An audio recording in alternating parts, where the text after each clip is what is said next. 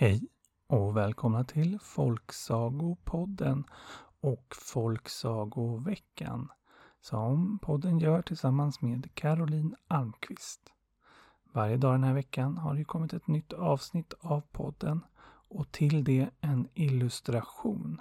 Och det här gör vi som en del av Folktale Week där illustratörer från hela världen är med och ritar bilder utifrån olika teman varje dag. Och dagens tema det är potion, alltså trolldryck. Och dagens saga, ja, det är en riktigt lång en. Och därför så kommer ni bara få halva sagan idag. Och nästa del, den får ni imorgon. Här kommer första delen av Draken från norr.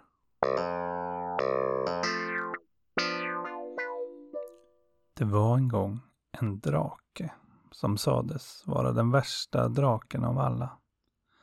Den var så stor och skräckinjagande och vart den än kom så ödelade den allt som fanns runt omkring den. Det sades att den hade kommit från norr en gång för länge sedan. Den kom hoppande på sina långa bakben och där den slog sig ner, där stannade den i flera år tills den hade ödelagt och ätit upp allt levande som fanns runt omkring. Och det värsta var att det inte verkade gå att besegra den, hur man än försökte. Hela arméer hade gått i krig mot den, men draken hade verkat helt oberörd. Man hade bränt upp en hel skog som draken bodde i, men när skogen var nedbrunnen var draken helt oskadd. Tappra män hade huggit mot den. Visa trollkarlar hade besvärjt den. Men inget, inget verkade rå på draken. Det enda man kunde göra var att vänta tills den flyttade sig någon annanstans och blev någon annans olycka. Men så plötsligt fanns det ett rykte om att det fanns ett sätt att besegra draken. Någon hade hittat uråldrig visdom som sa att den som hade ett gott hjärta och kung Salomos ring och kunde tyda dess magiska inskrift, den skulle kunna besegra draken. Men om det var sant, eller vart den där ringen fanns och hur man skulle kunna tyda den, ja, det var det ingen som visste. Och draken, den bara fortsatte att förstöra.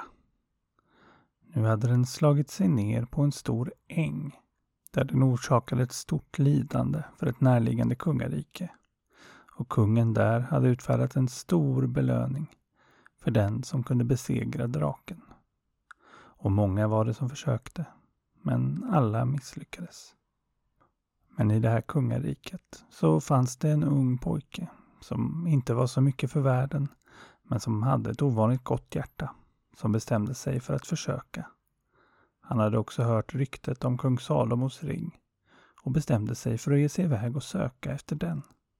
Och så klok var han att han förstod att han skulle bege sig österut, för det var där mycket mystisk kunskap fanns. Men det blev en lång och besvärlig resa och vart han än sökte så verkade han inte finna minsta spår efter kung Salomos ring. Tills han en dag kom till en mycket, mycket gammal magiker som visserligen inte visste vart ringen fanns, men kanske visste ett sätt att få tag i den. Åh, den ringen är sedan länge glömd av oss människor. Men fåglarna, fåglarna vet fortfarande. Du måste lära dig fåglarnas språk, sa den mycket gamle magikern. Men hur ska jag göra det? undrade förstås den unge pojken. Kom, jag ska hjälpa dig, sa den gamle magikern, som måste ha sett vilket gott hjärta den unge pojken hade. För nu fick pojken stanna i nio dagar hos den gamle magikern och hjälpa honom att samla in nio olika örter som magikern använde för att koka en mystisk trollbrygd. Där de nio örterna blandades med nio andra ingredienser i en mycket speciell ordning. Hela tiden medan han blandade måste den gamle magikern också ha full kontroll över vilket håll han rörde om i grytan och hela tiden mumlade han uråldriga gamla trollramsor. Och pojken, han tittade nyfiket på när trolldrycken sakta växte fram Flera gånger bytte den färg. Den var klart lila. Den var grumligt grön. Den var tjockt flytande och såg nästan ut som guld. Och till slut var den alldeles, alldeles klar. Och då fick pojken dricka den under nio dagar, där han fick nio skedar om dagen. Och när de nio dagarna hade gått så förstod han plötsligt fågelkvittret där utanför fönstret. Ja, som att det var vanliga människoröster. Och den gamle mannen sa att nu var han redo att gå ut och söka efter kung Salomos ring. Så pojken gav sig iväg ut i skogen där han visste att det fanns många fåglar. Och så gick han i många dagar och lyssnade på fåglar. Men det visade sig att de hade mycket annat att prata om som inte handlade om gamla ringar som för länge sedan var glömda av människorna. Nej, det mesta fåglar pratade om handlade om vardagliga saker. Vem som flugit var, var det fanns mat, bra ställen att flyga söderut och sånt där. Men så en dag hade den unge mannen lagt sig under ett träd för att vila när han uppifrån trädkronan fick höra ett samtal. Jag har följt efter han där nere några dagar nu. Vad är det han letar efter egentligen? sa den ena. Jag har hört att det är Salomos ring han letar efter. Kung Salomos ring alltså, sa den andra. Alltså den du, det är väl ingen som vet var den är längre. Jo, jag tror avgrundsflickan vet, sa den ena fågeln. Avgrundsflickan, men det är väl ingen som vet vad hon är. Hon åker ju runt och är här och där hela tiden, sa den andra fågeln. Och nu lyssnade den unge pojken mycket spänt. Jo, hon kommer ju till källan varje fullmåne för att tvätta sig för att få tillbaka sin ungdom, sa den första fågeln. Ja, det är sant. Det är om bara två, tre dagar. Ska vi dit och kolla? Ja. Och nu visste den unge pojken att om han bara följde efter de här fåglarna i tre dagar så skulle de leda honom till den här avgrundsflickan som i sin tur skulle kunna leda honom till kung Salomos ring. Och det lät kanske enkelt, men att utan vingar förfölja två fåglar i tre hela dagar, ja, det är inte det enklaste. Pojken fick kämpa, han fick klättra, han fick springa, han fick, han fick kasta sig ut från höga höjder under de här dagarna. Ja, han fick verkligen kämpa. Men han lyckades följa dem alla tre dagar. Och till slut så var de en sen kväll djupt, djupt inne i skogen. I en del där nog ingen människa varit förut. Och de satt vid den vackraste, klaraste källan som pojken någonsin sett. Du, han har ju varit efter oss i tre dagar nu, sa den ena fågeln. Ja, tänker han vara här när avgrundsflickan kommer tro? Sa den andra. Ja, det verkar så. Hon kommer nog inte bli glad. Jo, men han är en ganska vacker ung pojke. Det kan gå bra, sa den andra fågeln.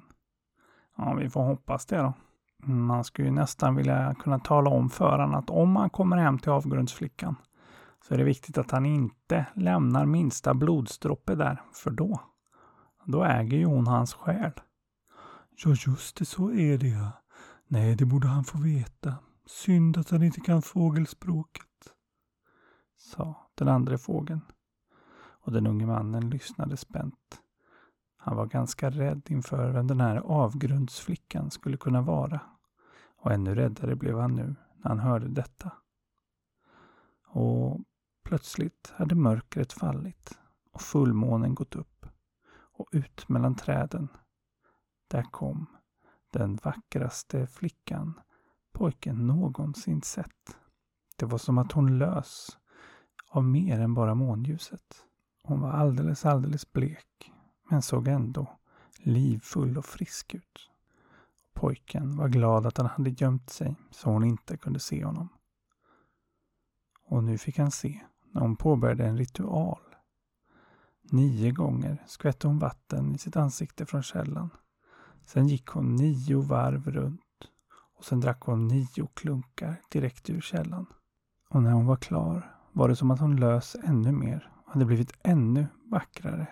och såg ännu livfullare men samtidigt ännu blekare ut. Och så vände hon sig om för att gå tillbaks in i skogen. Pojken som satt där gömd visste inte vad han skulle göra. Han var som förstenad av både skräck och beundran. Och nu skulle hon visst försvinna in där mellan träden. Men det gjorde hon inte. Istället vände hon sig och tittade rakt mot där han satt gömd och sa Pojke, du borde egentligen straffas för att du har sett något som ingen människa ska se. Men jag känner att du har ett gott hjärta så du ska få en chans att förklara dig. Stig fram. Och pojken, han kunde inte göra något annat än att lyda flickans röst. Så han steg ut ur sitt gömställe och gick fram till henne. Hon tittade länge på honom innan hon sa Nå, förklara. Och pojken, han började förklara att han bara gått vilse, riktigt vilse och att han hittat den här vackra källan och när hon kommit så var hon så vacker så hon skrämde honom så han vågade inte visa sig och det var inte meningen att snoka eller se något som att han inte skulle se och han var så ledsen. Och avgrundsflickan tittade länge på honom när han hade pratat färdigt och till slut verkade hon bestämma sig för att tro honom. Nåväl, din förklaring får duga. Kom med mig hem, är du snäll. Och än en gång så kände han att han inte hade något annat val än att lyda. Och han ville nog inget annat heller. Hon var ju så vacker. Men alldeles innan de klev ut från dungen där källan var hörde han en av fåglarna säga. Bara han nu inte lämnar något blod kvar hemma hos henne, då är han förlorad. Avgrundsflickan visade sig bo ännu djupare in i skogen. I ett stort, vackert hus som verkade vara gjort nästan av rent silver och guld. Och där inne var det fullt av vackra saker. hon hade massvis av tjänarinnor som hjälpte henne med allting. Och pojken fick sig snart ett vackert rum med en stor och skön säng som tjänarinnorna bäddade med den renaste glänsande siden. Och när han lade ner sitt huvud på kudden kände han hur trött han var efter sin långa resa och svåra kamp. Men just innan han skulle somna så blev han rädd när han i sitt huvud hörde fågelns röst. Lämna inget blod ifrån dig. Men så somnade han ändå. Så trött var han. Och morgonen efter vaknade han väckt av tjänarinnorna som ledde honom till en stor sal där det var dukat en festmåltid. Och där väntade avgrundsflickan på honom. Jag har tänkt, sa hon. Jag har länge levt ensam eftersom jag inte kan dö och är evigt ung har det känts svårt för mig att välja någon att leva med. Men när jag såg dig blev jag förälskad. Så, jag vill att du stannar här med mig för evigt. Vad sägs om det? Många tankar flög genom pojkens huvud när han fick det här erbjudandet. Hon var ju väldigt vacker och verkade vara väldigt rik och han hade sovit väldigt gott och skulle nog få ett väldigt gott liv här tänkte han. Men han mindes också hennes namn, avgrundsflickan. Och han mindes fåglarnas varning. Lämnade han blod, här var han förlorad. Och han hade ju ett uppdrag. Ringen, draken. Men han förstod också att det inte bara gick att svara nej. Så han sa Ja, det är ett fint erbjudande, men ett stort sådant. Jag vill gärna ha några dagars betänketid, om det går bra. Ja, visst gör det det, svarade avgrundsflickan. För någon som lever för evigt så gör några dagar varken från eller till. Så gick dagarna och avgrundsflickan verkade vilja använda dem till att övertyga pojken så mycket som möjligt. Så hon ägnade mycket tid åt att visa upp sina rikedomar och tillgångar. Och även om pojken imponerades av dem imponerades han nästan mer av henne och hur hon faktiskt var väldigt trevlig och klok att umgås med. Och när hon efter några dagar återigen upprepade sitt erbjudande. Nå, pojke, vill du leva här med mig för evigt? Som man och fru? Så var han frestad att säga ja. Men han sa att han återigen behövde tänka lite till. Och då tog avgrundsflickan med honom in i ett rum de inte varit än. Det var det vackraste rummet i hela det stora huset. Det var gjort av kristall och glänste och gnistrade. Och i rummet fanns bara en enda sak. En piedestal på vilken det stod en ask. Avgrundsflickan ledde fram pojken till asken och öppnade den. Och där i låg en ring. Och inte vilken ring som helst. Den var full av magiska inskriptioner och såg mycket, mycket gammal ut. Kunde det vara? Jo, flickan sa det själv. Det här är kung Salomos ring. Det är en fantastisk och magisk ring med många krafter. Den ska jag dela med den som vill dela livet med mig, sa hon. Och plötsligt mindes pojken sitt uppdrag ordentligt. Det här var ringen som kunde hjälpa honom att besegra draken. Den kommer bli din att dela med mig om du bara gifter dig med mig. Det enda du behöver göra är att ge mig tre droppar av ditt blod, sa avgrundsflickan och plötsligt rös pojken och förstod att få tag i ringen skulle inte bli ett lätt uppdrag. Nej, kanske var det omöjligt att komma härifrån med livet i behåll. Men han måste i alla fall försöka. Vad har den för krafter? frågade han därför oskyldigt. Och genast satte avgrundsflickan igång och visa. Hon sträckte upp sin vänsterhand, tog upp ringen och satte den på lillfingret. Så fort hon gjort det så började hon sväva där inne i rummet. Sen tog hon av den, satte den på ringfingret och puff så var hon borta. Alldeles osynlig. Efter en stund tog hon av ringen och då syntes hon igen och satte den istället på långfingret och tog fram en kniv som hon gav till pojken. Här, hugg mot mig, sa hon. Pojken försökte protestera men hon insisterade. Och pojken högg mot henne först, lite försiktigt men det var som att det inte gick. Som att kniven hela tiden svängde åt sidan. Så han försökte mer ordentligt och mer och mer och till slut högg han med sin fulla kraft rakt emot henne. Men kniven bara studsade undan. Jag blir helt osårbar när ringen sitter på långfingret. Så tog hon av den och satte den på pekfingret. Pekade ut i tomma luften och plötsligt började det trilla guldmynt från hennes långfinger. När jag har den på pekfingret kan jag skapa vad som helst ur tomma luften.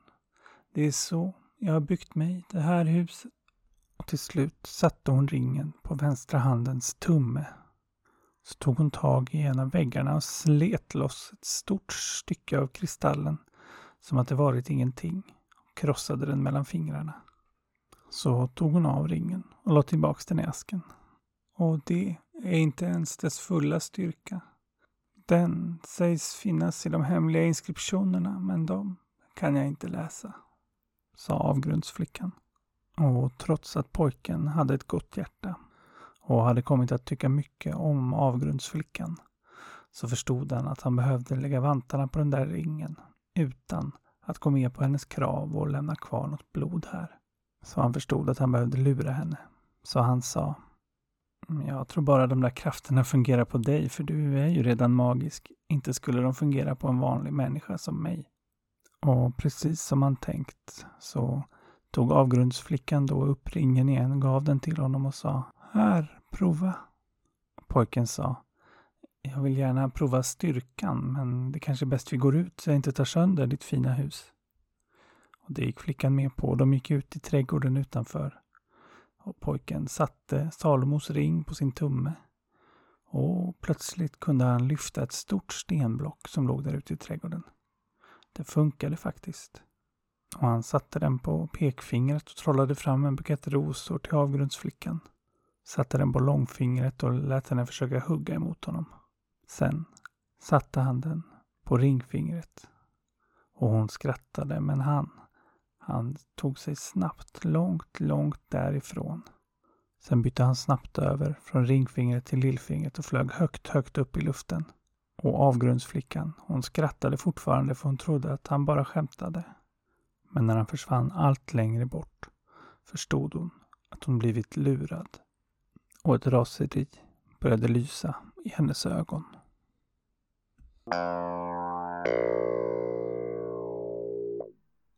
Ja, och fortsättningen på den här sagan, den får ni alltså i morgondagens avsnitt av Folksagopodden, som också blir avslutningen på Folksagoveckan.